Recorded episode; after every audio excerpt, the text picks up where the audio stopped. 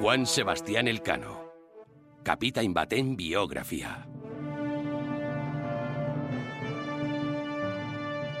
Laugarren kapitulua. Itxaso geza.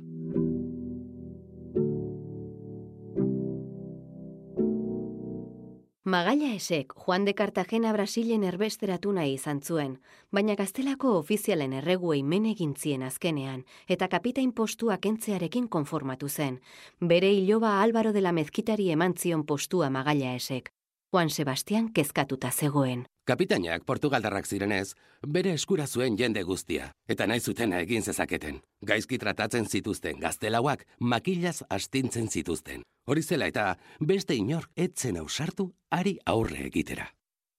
Rio de Janeirotik irten zirenetik, 2000 kilometro eginak zituztela, ura kolorez aldatu zela ohartu ziren, eta probatu ondoren, ur geza zela jabetu ziren.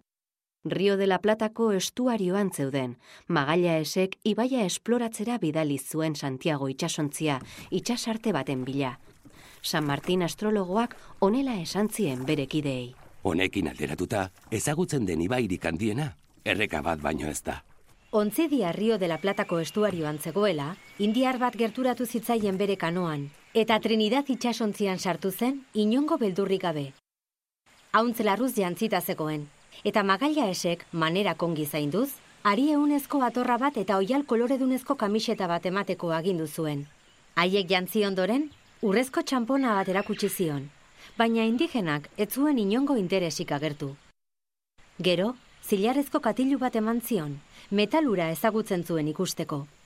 Indiarrak katilu hartu zuen, eta bularretan jarriz zerbait esan zuen. Keinuak egiten zituen, eta lurra seinalatzen zuen denek zilarrugari zegoela ulertu zuten. Natiboak itxasontzian egin zuen lo, gau osoan. Biharamun goizean, lehorrera joan zen berriro, eta ez zuten gehiago ikusi.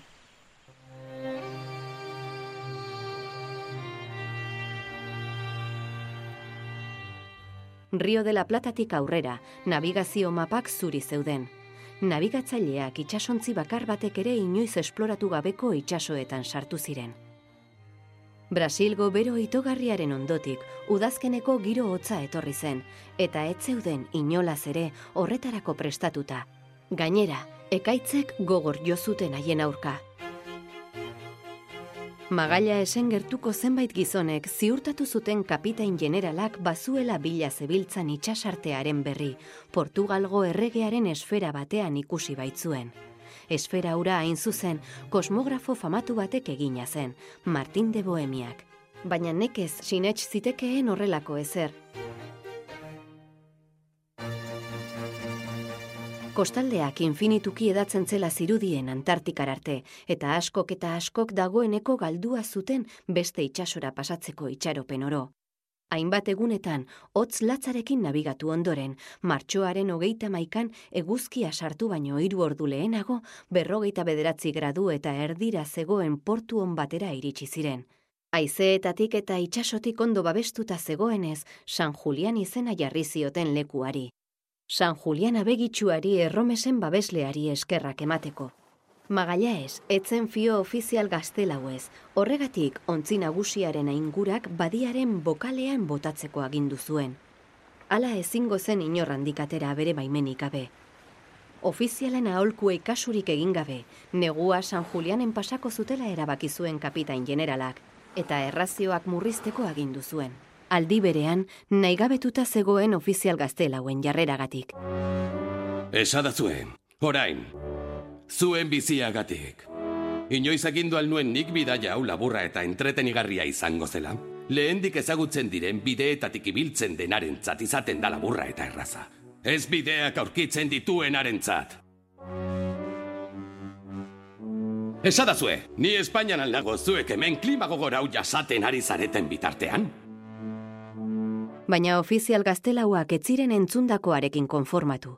Kapitain general jauna, Postu zaitez beste nabigatzailerik sekula iritsi ezten lekuraino iritsi baitzara, janaria murriztuz eta gizonak negua eskasian pasatzera behartuz, matxinadak izango dira ziur. Magaila esek ordea, nahiago zuen hil deso ore zitzuli baino. Espedizioko kideek ermita txiki bat eraiki zuten areazko uartetxo batean meza egiteko. Ara joan zen kapitain generala, bere gizon leialekin, arropa artean armak ezkutatuta. Ofizial gaztelauetako ia inorretzen joan. Aginteari menez egitea eta ermitara ez joatea magaila esiraintzea zen nabarmen.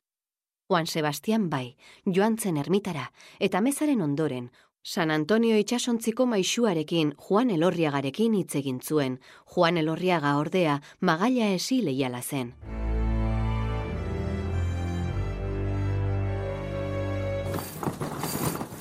Gauean, Mendoza, Quesada eta Juan de Cartagena ofizial matxinoek Juan Sebastianek lagunduta kontrolpean hartu zituzten hiru itsasontzi, Victoria, Concepción eta San Antonio. Zenbait mezu trukatu arren, inorket zuen bere asmoetan atzera egin, eta azkenean, magaila esek kolpe sendoa eman zuen.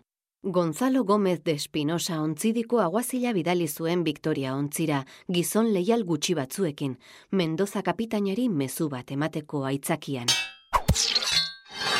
Espinosa Mendoza kapitainaren kamarotean sartu zen, eta sastakadaka hil zuen. Magaila esi leial ziren gizonek, Victoria itxasontziaren kontrola bere ganatu zuten, eta matxinoak gutxiengoan zeudela jabetu ziren, baina ezin zuten ies egin, ontzi nagusiak kontrolatzen baitzuten portuaren bokalea.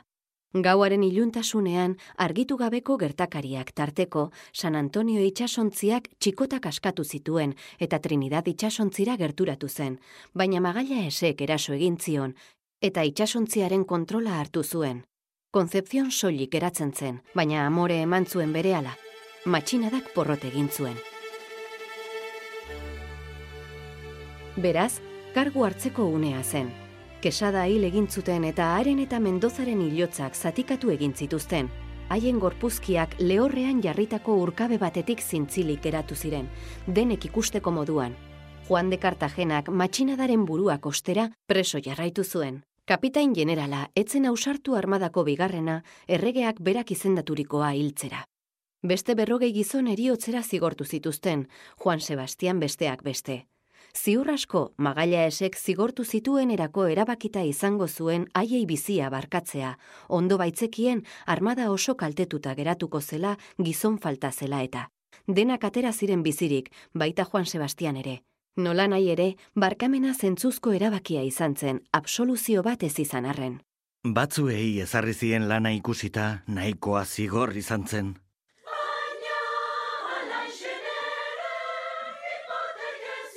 Aurrerantzean, Juan Sebastian esker txarreneko lanak egiten aritu zen. Bien bitartean, Antonio Genovés Brasilen sodomia delitu abarkatu zioten gazteak asteak zeramatzan desagertuta. Apirileko hogeita zeigarren eguna, ostirala. Antonio Genovés itxasmutilak uretara salto egin zuen Victoria ontzitik, beste gazte batek sodomita izatea egozten baitzion.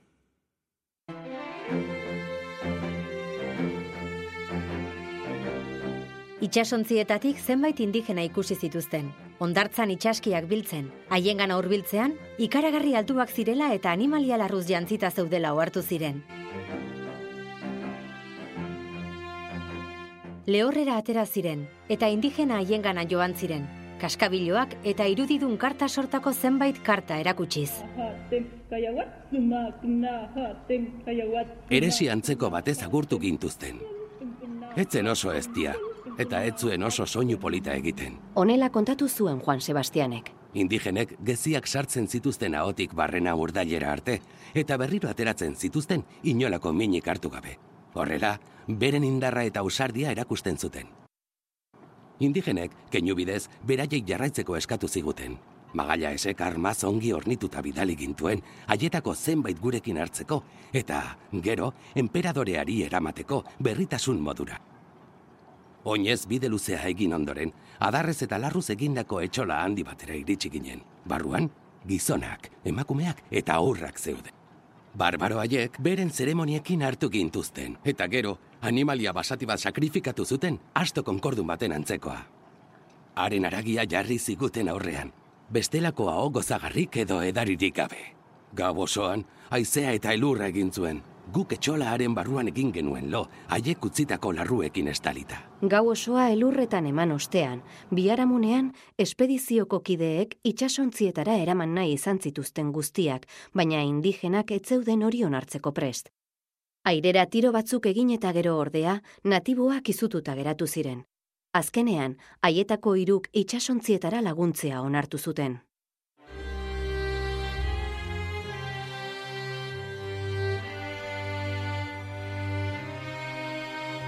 Itzulerako bidean, bik ies egitea lortu zuten eta, beraz, indigena bakarrarekin iritsi ginen itxasontzietara. Indigena handi ura ere ies egiten saiatu zen eta hamar gizonen artean heldu behar izan genion. Azkenean, burdinazko girgiluak jarrita preso hartu genuen.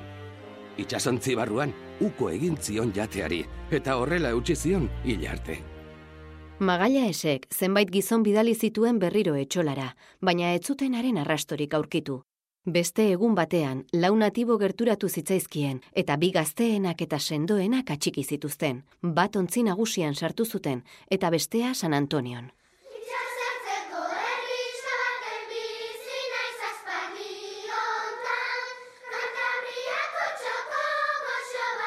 Gizonek, emakumeek eta aurrek aurpegiak margotuta izaten dituzte, marra gorriekin normalean. Ez dute ilagea sekula mozten, eta bertan jasotzen dute daramaten guztia. Gezien ontzia, labanarentzako zorroa, eta bilgarri bat sua pizteko egurrekin. Ostrukak eizatzeko makila luze bat erabiltzen dute, muturrean luma moto txandi bat jarrita. Atzean, gizon bat eskutatzeko bestekoa. Ostrukak jakin minez gerturatzen direnean, kolpe batez hiltzen dituzte.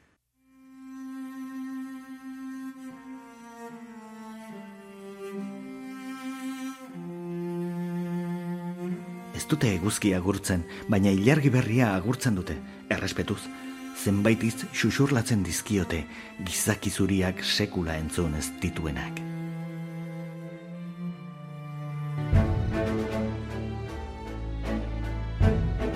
Magaia esek Santiago itxasontzia bidali zuen kostaldea begiratzera, ura baitzen ontzidiko itxasontzirik arinena. San Julianetik ehun bat kilometrora ibai handi bat aurkitu zuten, Santa Cruz izena jarri zioten.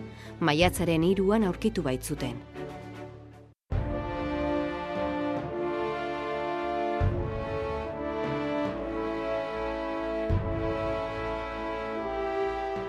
Arrain ugari arrantzatu eta itxaslehoi asko izatu ondoren atzean utzi zuten ibaia, baina ekialdeko ekaitz zakar batek ustekabean harrapatu zituen eta Santiago itxasontzia kostaldearen kontra bota zuen.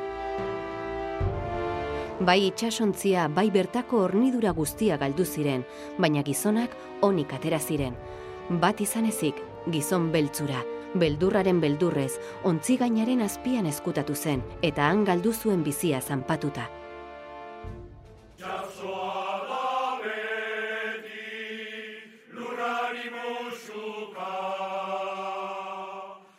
Naufragoak lehorretik San Julianera itzultzen ahal egindu ziren, baina eguraldi txarra zela eta bik bakarrik lortu zuten ara iristea. Magaia esek gizon talde bat bidali zuen haien bila, elikagai zornituta, eta azkenean, San Julianera itzuli zirenean, naufragoak oso aldatuta zeuden, ez ezagutzeko moduan, jasandako gabezia guztien ondorioz. Eginagatik, azarre burru